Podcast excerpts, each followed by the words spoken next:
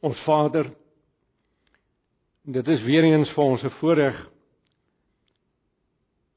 om nou met U in gemeenskap te tree. Ons doen dit met groot vrymoedigheid. Omdat ons nie in ons eie hoedanigheid na U toe kom nie, maar ons kom op grond van die toegerekende geregtigheid van ons middelaar die Here Jesus Christus. Ons dank U dat hy in sy werk verbond as die tweede mens, die laaste Adam met U na hierdie wêreld toe gekom het dat hy onkreukbaar volmaak getrou was aan hierdie werk verbond en dat hy daarom toegang verkry het tot sy boom van die lewe, sy loon, sy gawe vir gebond, verbondsgehoorsaamheid. En dit is 'n bruid.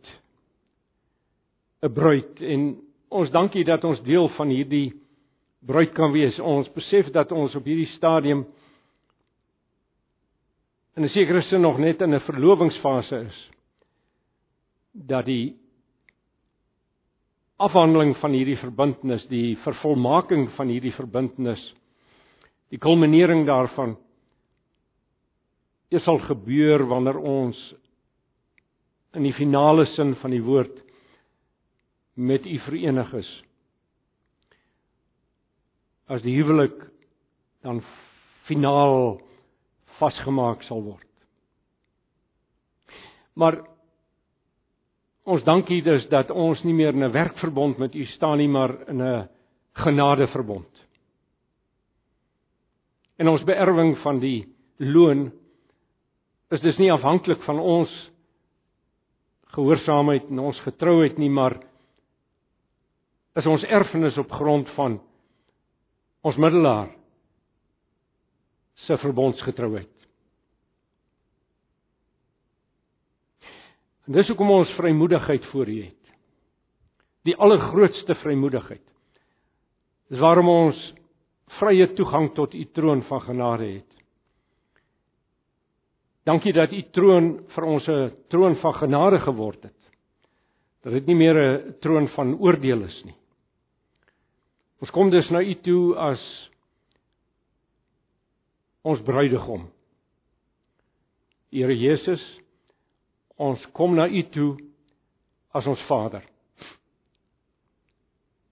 En Vader, ons vra U om in hierdie oggend ons weer te herinner.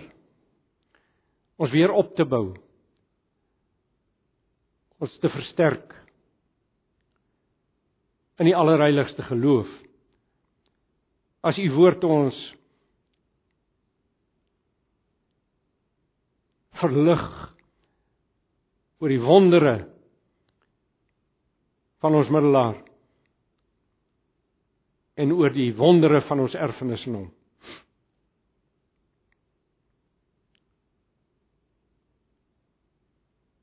Ons sien met afwagting daarna uit. Ek bid vir elke broer en suster wat hier teenwoordig is dat u die nodige aandag sal gee die nodige konsentrasie vermoë.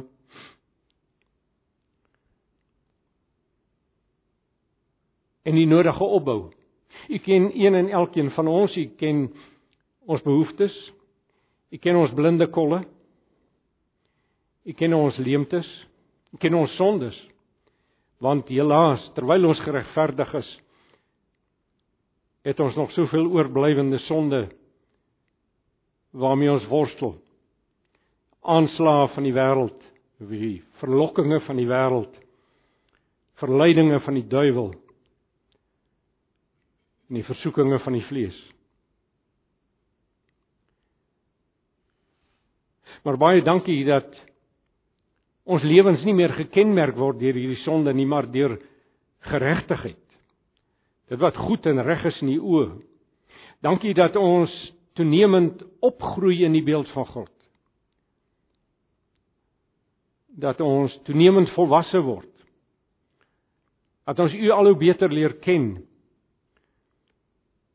Dat ons die Here Jesus Christus al hoe meer liefkry. As ons groot profeet en priester en koning. Dankie dat die Heilige Gees, die derde persoon van die goddelike drie-eenheid ons hierin help en ons toerus. Ons dankie dus vir die erfenis van die Heilige Gees, die die helper.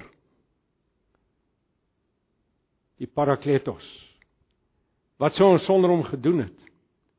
Wat sou ons sonder die Here Jesus se se priesterskap en se koningskap en sy profeetskap gedoen het? En wat sou ons sonder u verbondsliefde gedoen het, Vader? Prys u naam. En ek wil dus vra dat u een en elkeen van ons môre weer sal versterk in die geloof om hierdie waarhede te te omhels en op onsself van toepassing te maak om dit toe te eien. Vervul ons met die Gees. Verhoor die gebede van ons middelaar, ons hoëpriester oorspoel ons met u verbondsliefde o Vader.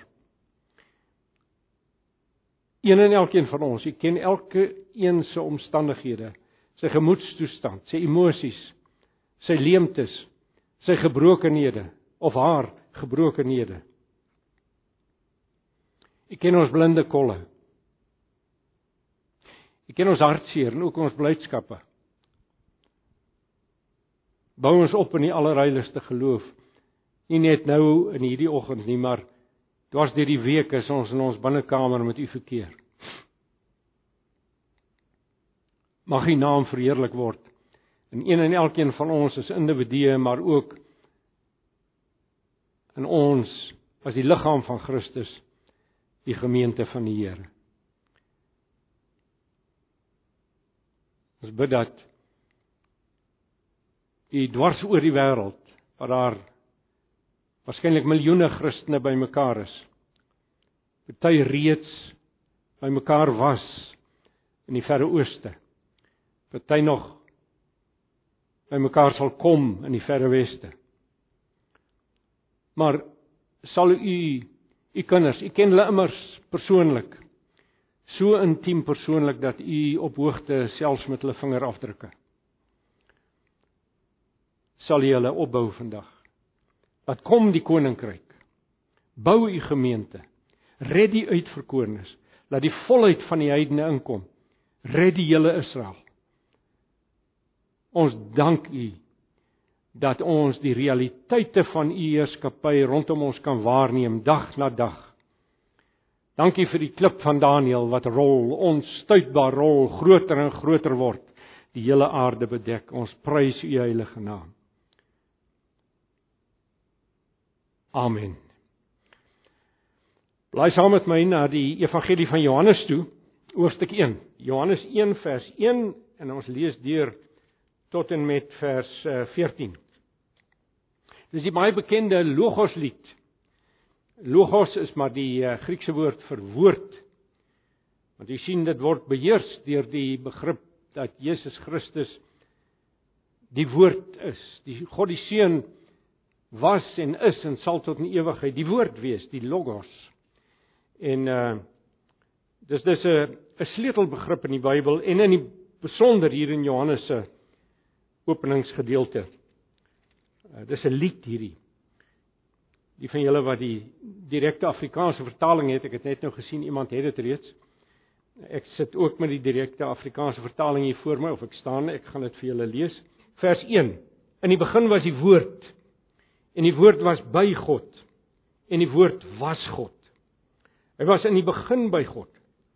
Alles het deur hom ontstaan. Daar was 'n man gestuur deur God wie se naam Johannes was. Hy het tot 'n getuienis gekom om van die lig te getuig sodat almal deur hom kon glo. Hy was nie die lig nie, maar hy moes van die lig getuig. Die ware lig wat elke mens verlig was aan die kom in die wêreld. Hy was in die wêreld en die wêreld het deur hom ontstaan. En tog het die wêreld hom nie erken nie. Hy het gekom na wat syne was en tog het sy eie mense hom nie aanvaar nie. Maar aan almal wat hom aanvaar het, het hy die reg gegee om kinders van God te word. Hulle wat in sy naam glo. Hulle is nie uit bloed nie. Ook nie uit liggaamlike drang nie. Ook nie uit die wil van 'n man nie, maar uit God gebore. Dis nou die mense wat hom aanvaar het. En die woord het vlees geword. Die woord, sien julle, die woord het vlees geword en onder ons kom woon.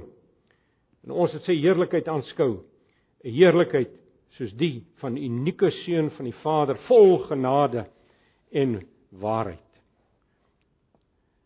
Nou ek gaan in die besonder dan nou in die volgende paar weke vers 14 as uitgangspunt gebruik en uh so dit sal maar elke Sondag ons teks wees en uh maar ek sê elke keer 'n ander dimensie daarvan aanspreek.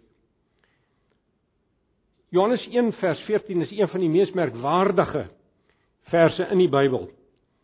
Uh dit dit bevat verbuisterende waarhede en fundamentele waarhede.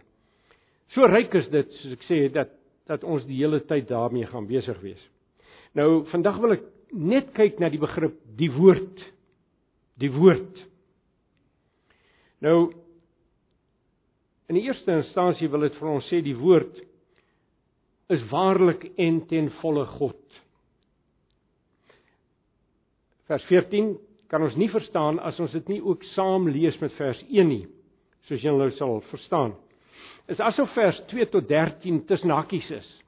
Is baie ryk en ons gaan vinnig daaraan aandag gee vandag. Maar ehm uh, die eerste vers van hierdie perikoop wat ons gelees het en die laaste vers van hierdie perikoop sluit by mekaar aan weer. En daarom alles wat tussenin is, is gewigtig en is werklik 'n uitlig van die uitnemendhede van ons middelaar, die Here Jesus Christus. So dis eintlik tussen hakies hierdie verse 2 tot 13. Nou ehm uh, as ons nou gaan kyk na Johannes 20 vers 30 tot 31, daar skryf Johannes oor sy doel met hierdie evangelie. Waarom hy dit geskryf het? Dan sê hy daar hy wil die Jode sowel as die nie-Jode of die heidene in die ou vertaling. Uh die Jode sowel as die nie-heidene. Uh ek hou daarvan om te praat van die van die nasies uh tot geloof te lei met sy geskrif met hierdie evangelie. Uh en daarom is dit 'n soort van 'n sleutel wat die hele boek vir ons oopskryf oopsluit want dit sê vir ons wat is Johannes se doel? Uh dit is uh sy doel is om om dis 'n evangelistiese geskrif hierdie in 'n sekere sin, nê? Hy sê die Jode wil hy oortuig dat Jesus die seun van God is en dat dat hy die beloofde Messias is. Ekskuus tog, ek het nou verkeerd ge, ge, ge, gesê. Hy wil die Jode oortuig dat Jesus die Christus is. Die Christus is die Messias is net 'n uh, die ekwivalente uh Messias, die ekwivalente Arameese of Hebreëse woord vir Christus. Dit beteken maar dieselfde. Christus is natuurlik die Grieks. Uh dat hy die gesalfde is, dat hy die Messias is wat sou kom. En die heidene by hulle wil hy tuisbring dat Jesus die seun van God is en God die seun. So hy het 'n hy het 'n dubbele gerigtheid hier. Hy rig hom tot die Jode, hy's die Messias. Hy rig hom tot die heidene, hy's die seun van God. Maar as hy dit wil doen, het hy onmiddellik uh staan hy voor 'n dilemma. Hy staan voor 'n dilemma uh want hierdie is twee begrippe, die seun van God en die uh en die Christus is twee gelaaide begrippe by sowel die Jode as die heidene. Ehm uh, want die probleem is dat die Jode 'n bloot binnemenslike ehm uh, visie het op die Christus. Hulle verwag 'n groot koning wat hulle gaan kom bevry. En dit sal so was hulle verwagting iemand wees wat die Here God uit die menslike geslag oprig en wat hulle as die Jode dan sal oprig om hulle volle erfenis te kry wat dit nou ook al sou behels. Maar dis 'n binnewêreldse missie. En nou wil Johannes dit op hulle harte druk dat uh, dit lewensbelangrik is om te verstaan dat hierdie mens wat hulle verwag inderdaad 'n volkomme mens is. Trouwens dat hy waarlik God is. En hy wil ook by hulle tuis bring dat sy missie, sy sending, sy gerigtheid is nie bloot binnewêrelds nie. Dis baie ruimer en grootser as dit. En wat die heidene betref, uh het hulle onmiddellik sou hulle begin dink as hulle hoor van die seun van God in terme van die Griekse mitologie sou hulle begin dink. Maar hy wil by hulle tuis bring dat hy is die unieke een. Hy hy's nie net een van al die gode nie. Hy is verhewe. Hy's nie net nog een nie. Hy's nie 'n heidense afgod nie. Hoegenaamd nie. So die apostel soek dis 'n ander begrip. Hy wil hy wil op 'n ander hy het 'n ander invalspoort nodig om sy sy gerigtheid, sy motief, sy doel met hierdie geskrif by hulle tuis te bring sodat hulle nie net dadelik afskakel nie en sê ag hierdie man oor wie hy praat is net nog een van die gode sal die sal die heidene dink en die Jode sal dink in terme van 'n binnewêreldse Messias. So om nie misverstande teweeg te bring nie, soek hy 'n ander naam. Uh as die Christus of die seun van God. En dan lei die Heilige Gees Johannes tot 'n briljante woordkeuse, 'n briljante woordkeuse. Naamlik om sy hoofkarakter die Logos te noem. Die woord. Nou hoekom is dit so 'n briljante woordkeuse? Wel, die begrip die logos, die woord is vir sowel die Jode as vir die heidene swaar en verhewe en gelaaide begrippe. Uh hulle sal onmiddellik belangstel. Hulle sal onmiddellik weet Johannes skryf oor iets of iemand baie groter as wat ons miskien sou verwag. Dit moet hulle verstaan. En wat die heidene betref was die logos 'n uh, heel bekende begrip in die Griekse filosofie en die Griekse mitologie. Daar was 'n bekende vir die wat nou ingegrawe is in die Griekse filosofie, 'n bekende filosoof Heraklitos.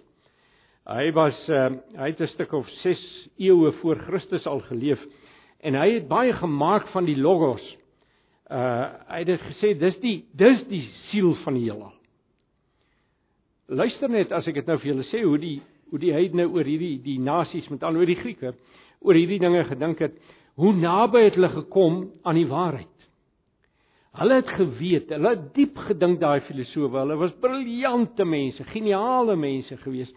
En hulle het besef hierdie klomp gode wat tipies hier in die Romeinse in die Griekse wêreld aanbid word, Ja.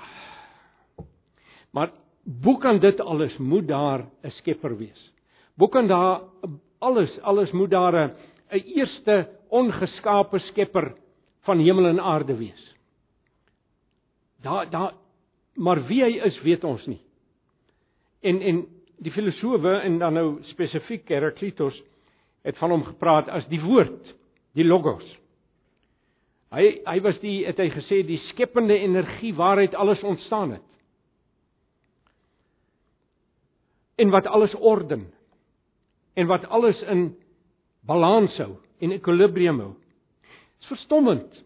Hoe meer die wetenskap ontwikkel, hoe meer besef ons hoe belangrik is hierdie beginsel van ekwilibrium in ons liggame, in die wêreld om ons, in die ruimte. Dit alles is on denkbaar sonder die beginsel van ekwilibrium. En hy het dit al verstaan, die Griekse filosowe. Later het die stoïsyne gekom en hulle het gesê die logos is die alomteenwoordige wysheid wat alles geskep het en wat alles stuur. Hoor julle hoe naby is hulle aan die waarheid? Jy kan dit nie glo nie. Hulle geloof was eintlik wat ons vandag sou noem 'n deïstiese geloof. 'n Deïs is iemand wat glo daar is 'n God, wat glo daar is 'n Skepper. Maar ons ken hom nie. Hy's afgetrokke, hy's afsydig, hy het homself onttrek. Ons weet niks van hom nie, maar dat hy daar is, staan soos 'n paal bo water, staan vaster as die berge. So, jy sien die Grieke en en vir vir Johannes as hy hier skryf was die Grieks-Romeinse wêreld was maar sy wêreld in terme waarvan hy gedink het, maar uiteraard geld dit vandag vir die ganse wêreld. Ehm uh, hulle hy het geweet dat as hy die woord logos gebruik, gaan hulle dit assosieer met die algenoegsame eerste oorsprong van alles, die onveroorsaakte oorsaak. En daarom weet hy, hulle gaan onmiddellik belangstel. Wat die Jode betref, het hulle nog sterker assosiasies gehad met die idee van die logos. Uh Miskien sien julle onthou, natuurlik sien julle onthou in Genesis 1 die skepingslied staan daar 9 keer dat God gespreek het en geskep het. Deur sy spraak het hy geskep. Dis nie almagtige God, as hy iets tot stand wil bring, dan praat hy net, hy beveel dit net om tot stand te kom. So die Jode het die woord logos, die eh, hierdie hele idee van die woord het hulle geassosieer met God se almagtige skepende woord. En daarom sou ook die Jode onmiddellik belang gestel het. Psalm 33 vers 6 en 9 sê: "Deur die woord van die Here is die hemele gemaak. Deur die woord van die Here is die hemele gemaak. Deur sy bevel al die liggame." Want hy het gepraat en dit was so. Hy het beveel en dit was daar. Verstommend die insig wat hierdie mense gehad het. So as God spreek, dan doen hy iets.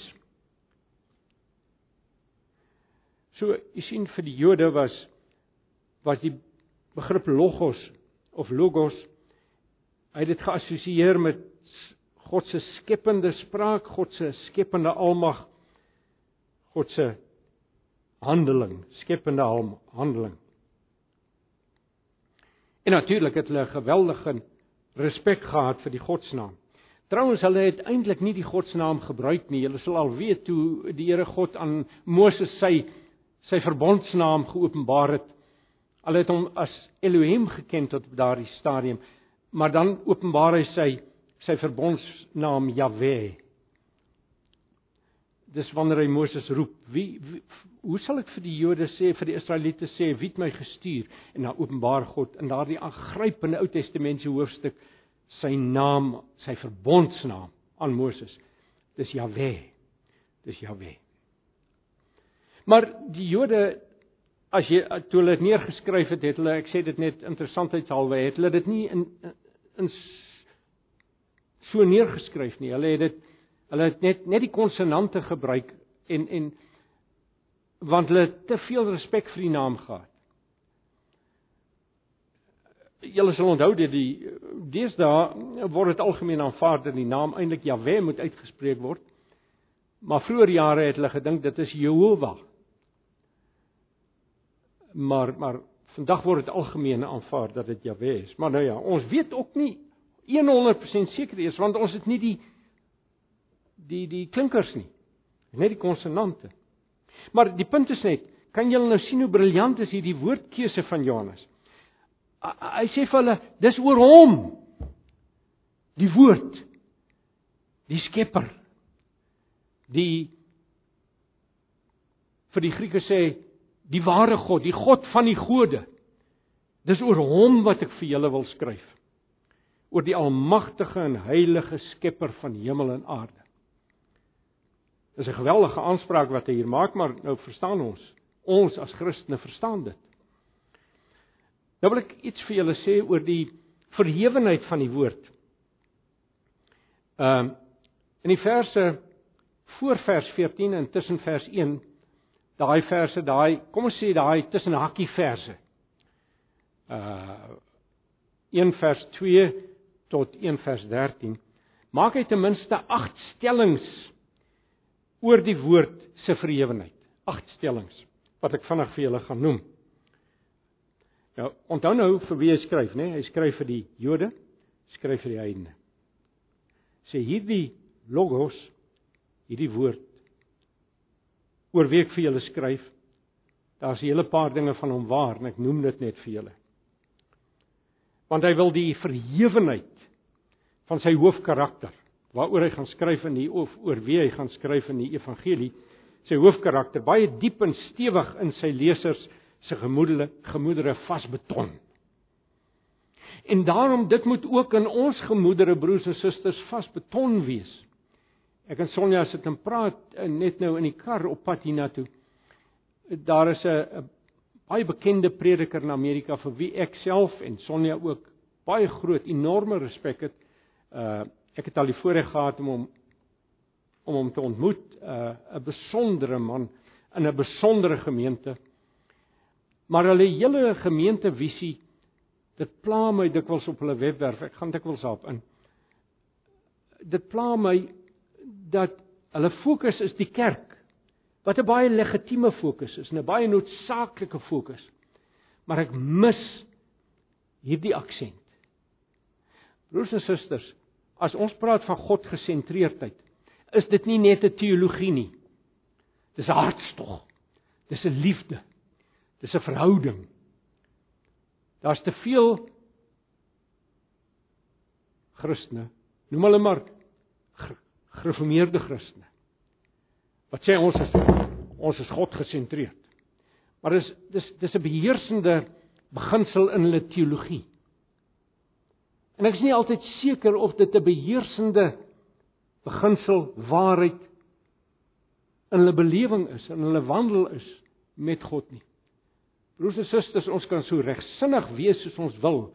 Jy moet met ons kantoor so regsinnig as ons. Maar as jy nie 'n lewende wandel met hierdie logos het nie, dan mis jy die punt. Is eintlik nie al nie. Ons is nie pietiste nie. 'n Pietis het net daardie klem. Ons is ook waarheidsgeoriënteerde mense. Want hierdie logos het homself aan ons geopenbaar. Trouwens, hy was die groot openbaring aan ons in die finale openbaring. Hoe dit ook al sê, agt stellings waarmee Johannes sy lesers wil vestig. Hy wil die verhewenheid van hierdie hoofkarakter diep en stewig in hulle lewens vasbeton het ek gesê. En nou nou weet hy as hy so begin soos ek gesê het, het hy hulle aandag. Hy het hulle aandag. En dan sê hy in vers 14 hierdie woord, hierdie logos het 'n mens kom word hier tussen ons. Hy het 'n mens kom word. Niemand anders as hy nie. Hy het 'n mens kom word hier tussen ons. Hy het vlees geword. Net hy kan dit wees. Nie weet as jy mooi oor hierdie dinge dink en en neem die tyd in jou binnekamer en en bepeins dit. Bepeins dit. Net in hierdie stelling wat ek pas gemaak het, sit daar gebeds voedsel as ek dit so kan uitdruk. En rykdomme wat jou die res van jou lewe kan besig hou. Hoe kan dit wees dat die logos die logos onder ons kom woon het? En hy het nie as 'n ryk man gekom nie. Hy het nie as hierdie geleerde man, hierdie filosoof gekom op nee nee. Het jy al aan gedink? Sê nou maar, kom ons sê hy was 33 jaar op aarde. Besef julle dat hy 30 jaar daarvan as 'n nederige skrynwerker in in 'n gehuggie, destyds was dit 'n gehuggie, is nie vandag veel meer nie. Nasaret deurgebring as 'n skrynwerker. Oh. Ek wil chunk as ek aan dink. Maar goed, wat is hierdie wat is hierdie agstellings? In die eerste instansie in die begin was die woord sê hy vir hulle. Nou die werkwoord in die Grieks is 'n tyd wat dui op tydsverloop in die verlede. En wat hy eintlik maar net wil sê is ehm uh, toe die tyd toe alles ontstaan het het hy reeds bestaan. Toe alles begin het, was hy reeds daar. Dis die hele gedagte, daar's iets van 'n aksent op die spoggerige woord durativiteit van sy bestaan. Tweedens sê hy vir hulle die woord was by God in vers 1. Hy was by God. Hy gebruik weer dieselfde werkwoordstyd waarmee hy sê die woord was maar altyd by God van alle ewigheid af. Was daar 'n intieme verbintenis tussen hulle. Daar was 'n gemeenskap tussen die woord en God. Dan sê hy in die derde plek vir hulle Ek sien sommige van julle maak in allerlei uh, eilnotas. Al wat julle hoef te doen, gaan in op die webwerf, ekskuus, ek is nou nie hier met seilstok nie. En waar kry jy nou van niks daarvoor nie. Maar uh, uh dis alles in opskrif daar. In elk geval hierdie woord was God. En hy gebruik weer dieselfde werkwoordstyd in die Grieks. Ja ja, hy's onderskeie van God. Daar's 'n daar's 'n 'n meervoud in die in die godheid. Maar hy's nie 'n skepsel nie. Dit moet julle verstaan. Hy's nie 'n skepsel nie. Hy's van ewigheid af self ook God. Van ewigheid af. Nou die geheimenis van die onderskeide tussen die goddelike drie-eenheid tussen die Vader en die Seun en die Heilige Gees is iets wat ons net nie geloof kan aanvaar. As jy my die Engelse uitdrukking sal vers, verskoon, it's mind boggling. Al wat ons kan sê is die Vader is nie die Seun nie. Die Vader is ook nie die Heilige Gees nie. Die Seun is nie die Heilige Gees nie. Die Heilige Gees is nie die Seun nie.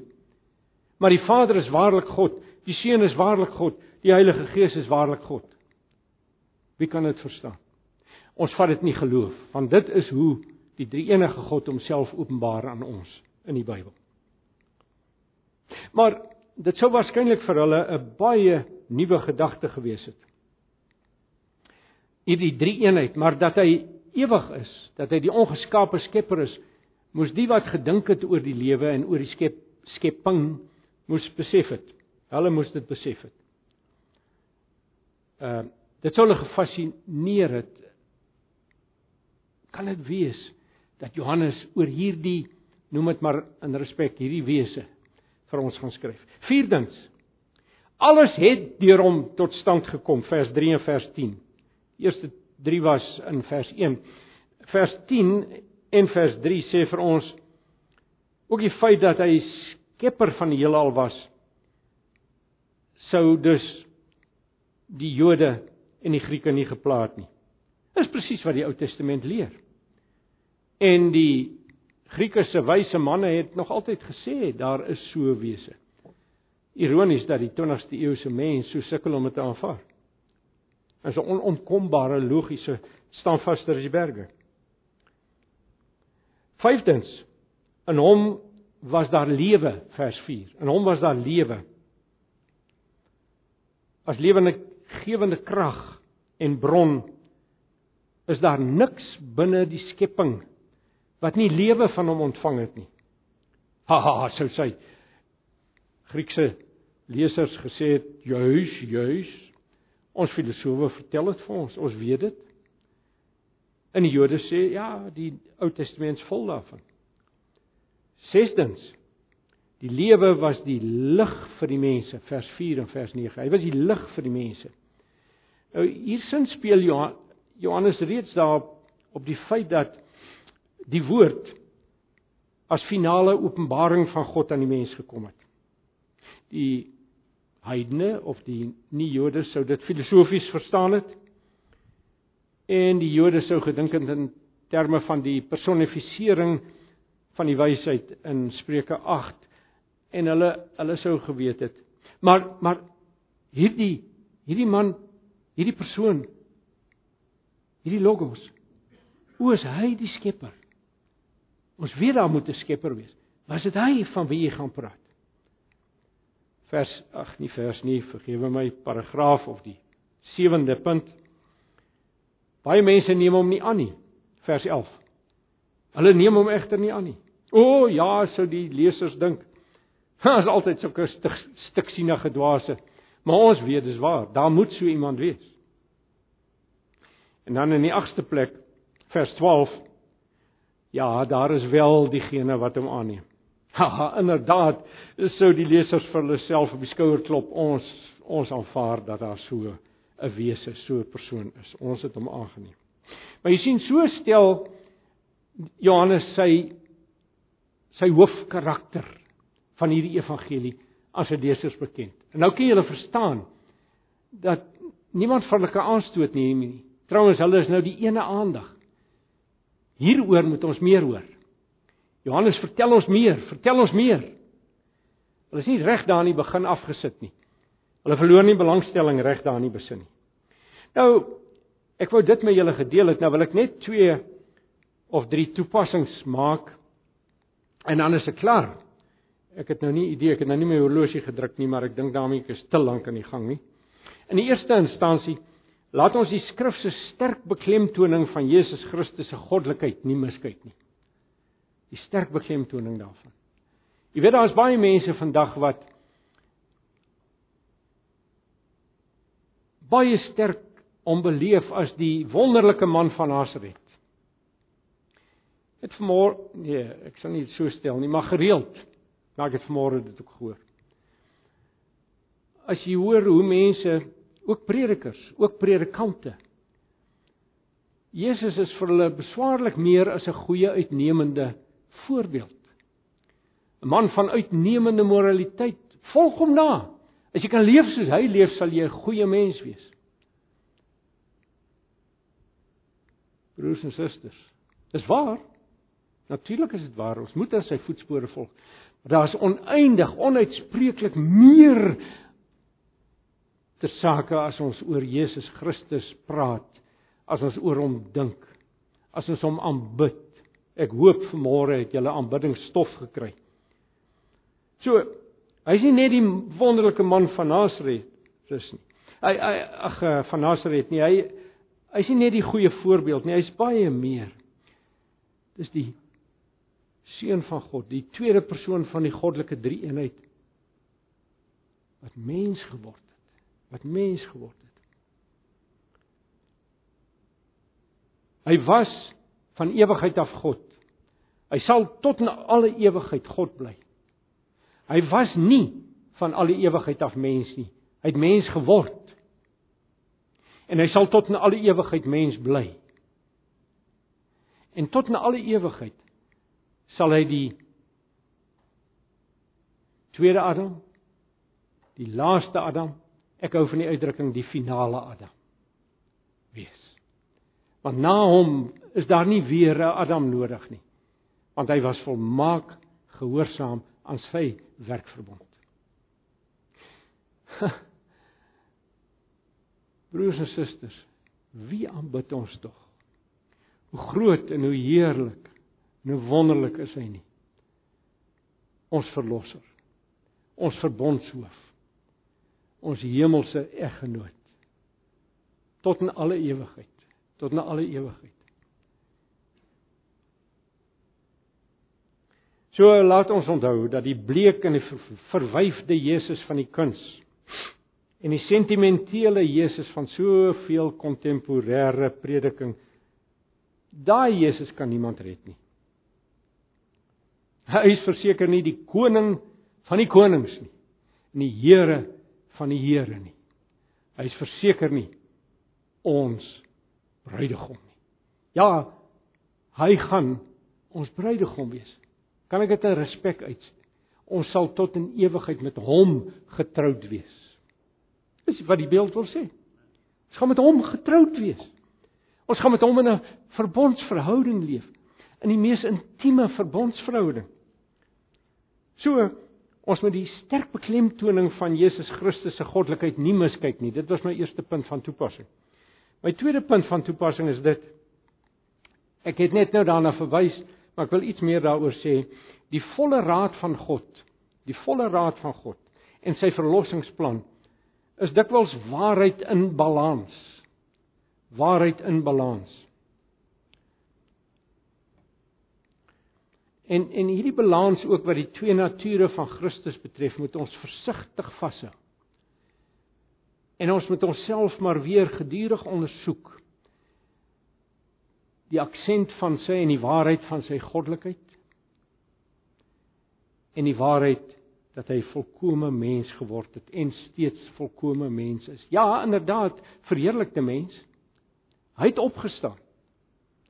Ek sit nou die dag en dink, hoeveel hoeveel mense het al opgestaan?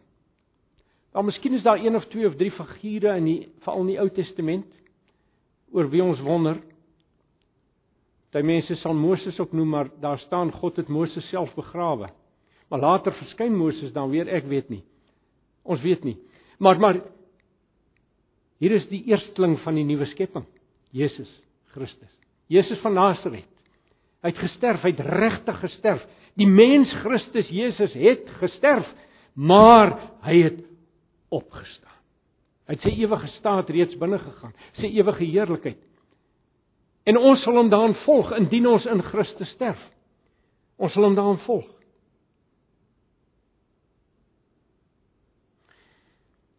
Jy sien Lukas noem Jesus ook die woord in Lukas 1 vers 2. Hy begin ook met die gedagte van die woord. En dan sê hy daar ons was van die begin af ooggetuienis tuies en dienaars van die woord. As jy dit nou lees, ons was luister mooi na die uitdrukking. Ons was van die begin af ooggetuies en dienaars van die woord. Dit is interessant as jy nou ons verskillende Afrikaanse vertalings met mekaar vergelyk, dan kan die vertalers nie besluit praat dit van die evangeliewoord of praat dit van die woord, die logos. Eh, die Nuwe Afrikaanse vertaling, die 84 vertaling en die ook die direkte Afrikaanse vertaling spel die woord daar in, in Lukas 1 met 'n hoofletter W. So hulle hulle koppel dit aan die gedagte waarmee ons besig is môre. En die ou Afrikaanse vertaling gebruik 'n klein lettertjie. Met ander woorde, hulle verstaan dit anders as dat dit die dui op Jesus Christus. Hy praat van die die ou vertaling sin speel op die evangeliewoord. Maar vir die vroeë Christene, vir die vroeë Christene was nie 'n kwessie nie. Daar was nie vir hulle onderskeid nie. Luister net 'n bietjie wat sê skryf die apostel Paulus. U sien die inhoud van die evangelie was met een die persoon van Jesus Christus. Luister na hierdie hierdie drie teksverse wat hy geskryf het. Hy sê in 1 Korintiërs 1 vers 22 en 23: Die Jode vra wondertekens en die Grieke soek wysheid. Dis waarmee ons besig is vandag tot 'n mate. Maar ons verkondig Julle onthou mos Christus. Hy sê nie ons verkondig die woord oor Christus nie. Ons verkondig Christus wat gekruisig is. Of 1 Korintiërs 2 vers 2 sê en ek het my voorgenem om niks anders onder julle te weet nie as Jesus Christus en hom as die gekruisig. Om niks anders onder julle te weet nie. Hy sê dis al wat ek wil preek is is Jesus Christus. En of in Galasiërs 3 vers 1 sê hy Jesus Christus is tog so duidelik aan julle verkondig dat julle hom as dit ware aan die kruis kon sien hang. Hy's verkondig. Maar maar hoe het Paulus dit gedoen? Hy het die woord van God verkondig. En daarom, u sien dis hoekom ek so sterk beklemtoon die hele woord Ou Testament en Nuwe Testament is deurtrek van Jesus Christus. Is deurtrek van Jesus Christus. Ek het net nou gepraat oor God gesentreerdheid. Maar nou sê jy onmiddellik ook verstaan waarom ons ook praat van Christus gefundeerdheid of Christus gesentreerdheid. Want Jesus Christus is waarlik God wat mens geword het. Dis nie die Vader wat mens geword het, dis nie die Heilige Gees wat mens geword het, dis God die Seun wat mens geword het, maar hy was nie hy wat nie gestalte van God was, het mens geword. 'n Nederige skrynwerker in Nasaret. Hy het nie nederig gebly nie. Maar hy het in nederigheid is hy gekruisig. Hoekom? Omdat hy gekruisig is vir die sondes van die uitverkorenes wat aan hom toegereken is. Hy's gedebiteer en hy moes dit betaal, maar hy gaan nie die nederig. As hy terugkom, as hy terugkom, kom hy as die heerlike, majesteitslike, glorieryke koning van konings terug. So jy sien, die apostels het nie oor Christus gepreek nie. Hulle het hom gepreek. Ek hoop julle kan iets aanvoel van wat ek probeer tuisbring. Daar is 'n verskil. Teoloë is geneig, ek het niks teen teoloë nie. Maar hulle is geneig om oor hom te praat. Nee. Ons moet hom preek. Moet hom preek. So, een van die grootste avonture van elke ware Christen se lewe is om Jesus Christus al hoe duideliker te sien en om te verstaan en om hom te om hom te verkondig. En laat ons voortdurend hierdie genadegawe van die Here afbid. Jy sien, en voetjie vir voetjie lei hy ons dan deur die nevels van ons stiksienigheid. En en ons begin ons al hoe al hoe meer na hom verlustig. Is dit jou ervaring? Ek wil so glo. En as dit nie jou ervaring is nie, as jy nog 'n vreemdeling is hiervoor, dan moet jy oor die dinge bid en dan moet jy dit afpleit by die Here. Ek wil hom sien, ek wil hom duideliker en duideliker sien. Ag, dis soos 'n dis soos 'n verloofde meisie wat drome droom oor haar bruidegom. En seker omgekeerd ook. Jy sien ons moet hom verkondig. En daar's nie 'n groter avontuur en in hom glo en met hom in wandel. Dis in deur hom met die Vader wandel. En op hierdie pad van groei in Christus kan ek 'n lelike woord gebruik, maar ek gebruik dit so positief as ek kan. Christus beheptheid. Christus beheptheid. Christus gesentreerdheid. Op hierdie pad is daar geen terminus nie. Daar's geen eindpunt nie, daar's geen versadigingspunt nie. Die ewigheid sal ons ons liefde vir hom nie kan tot finaliteit bring nie. Sal groei en toeneem in ons liefde vir hom ons lojaliteit aan hom, ons toewyding aan hom, ons ons aanbidding van hom. J.I. Packer, die baie bekende teoloog wat onlangs oorlede is en skrywer, het dit so gestel. Hy sê die Gees staan as ware skuins agter my met 'n kollig en hy lig oor my skouer. 'n Kollig, jy weet mos wat 'n kollig. En waar val sy kollig? Op Jesus Christus. Hy het gekom om Jesus Christus te verheerlik.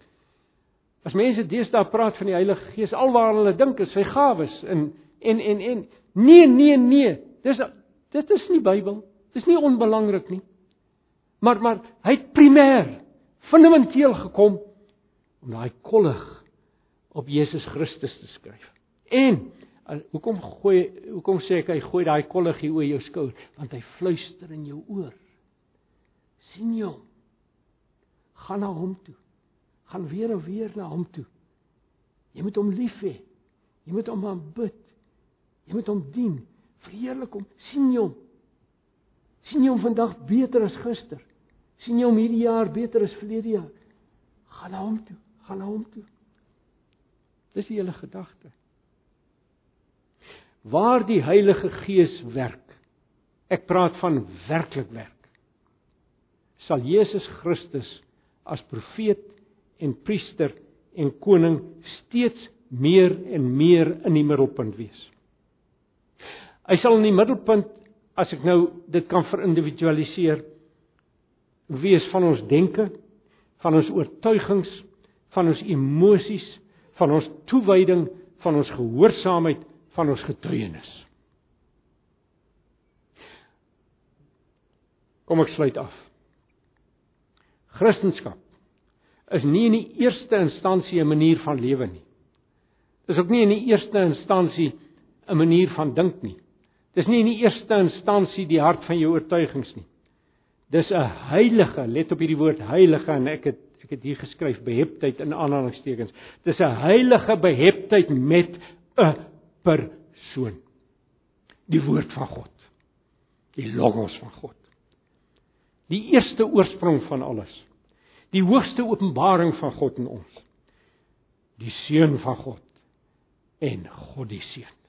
Kom ons bid saam. Ag Here ons God. Dankie dat ons 'n middelaar soos God die seun het. Ons prys u heilige naam. Dankie dat ons met hom verenig is. Dankie dat ons deel kan wees van sy bruid, die van ons van wie dit inderdaad waar is. Dankie dat ons hom kan lief hê. Dankie dat ons hom kan glo as ons groot profeet.